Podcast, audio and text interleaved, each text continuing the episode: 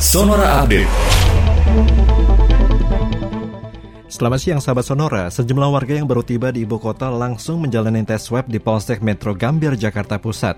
Hal ini dilakukan untuk mencegah penyebaran virus COVID-19.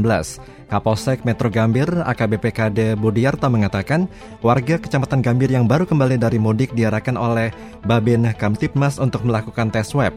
Untuk meringankan masyarakat, pelayanan swab antigen ini gratis. Polisi sekaligus mempermudah warga untuk datang melakukan tes COVID-19.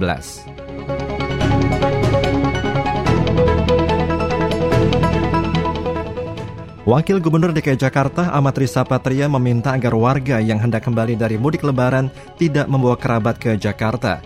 Risa mengatakan sebagai ibu kota, DKI Jakarta sudah penuh sesak dan mungkin tidak bisa menampung orang lebih banyak lagi.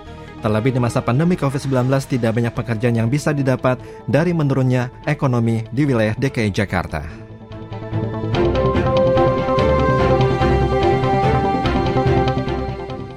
Kita beralih ke berita mancanegara. China menyesali langkah dari Amerika Serikat yang memblokir pernyataan Dewan Keamanan PBB tentang perseteruan Israel dan Palestina ketika organisasi itu mendesak upaya internasional yang lebih besar untuk menghentikan penterupan pertumpahan darah.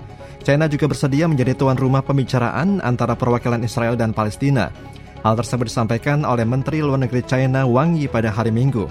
China saat ini menjabat sebagai ketua bergilir Dewan Keamanan PBB.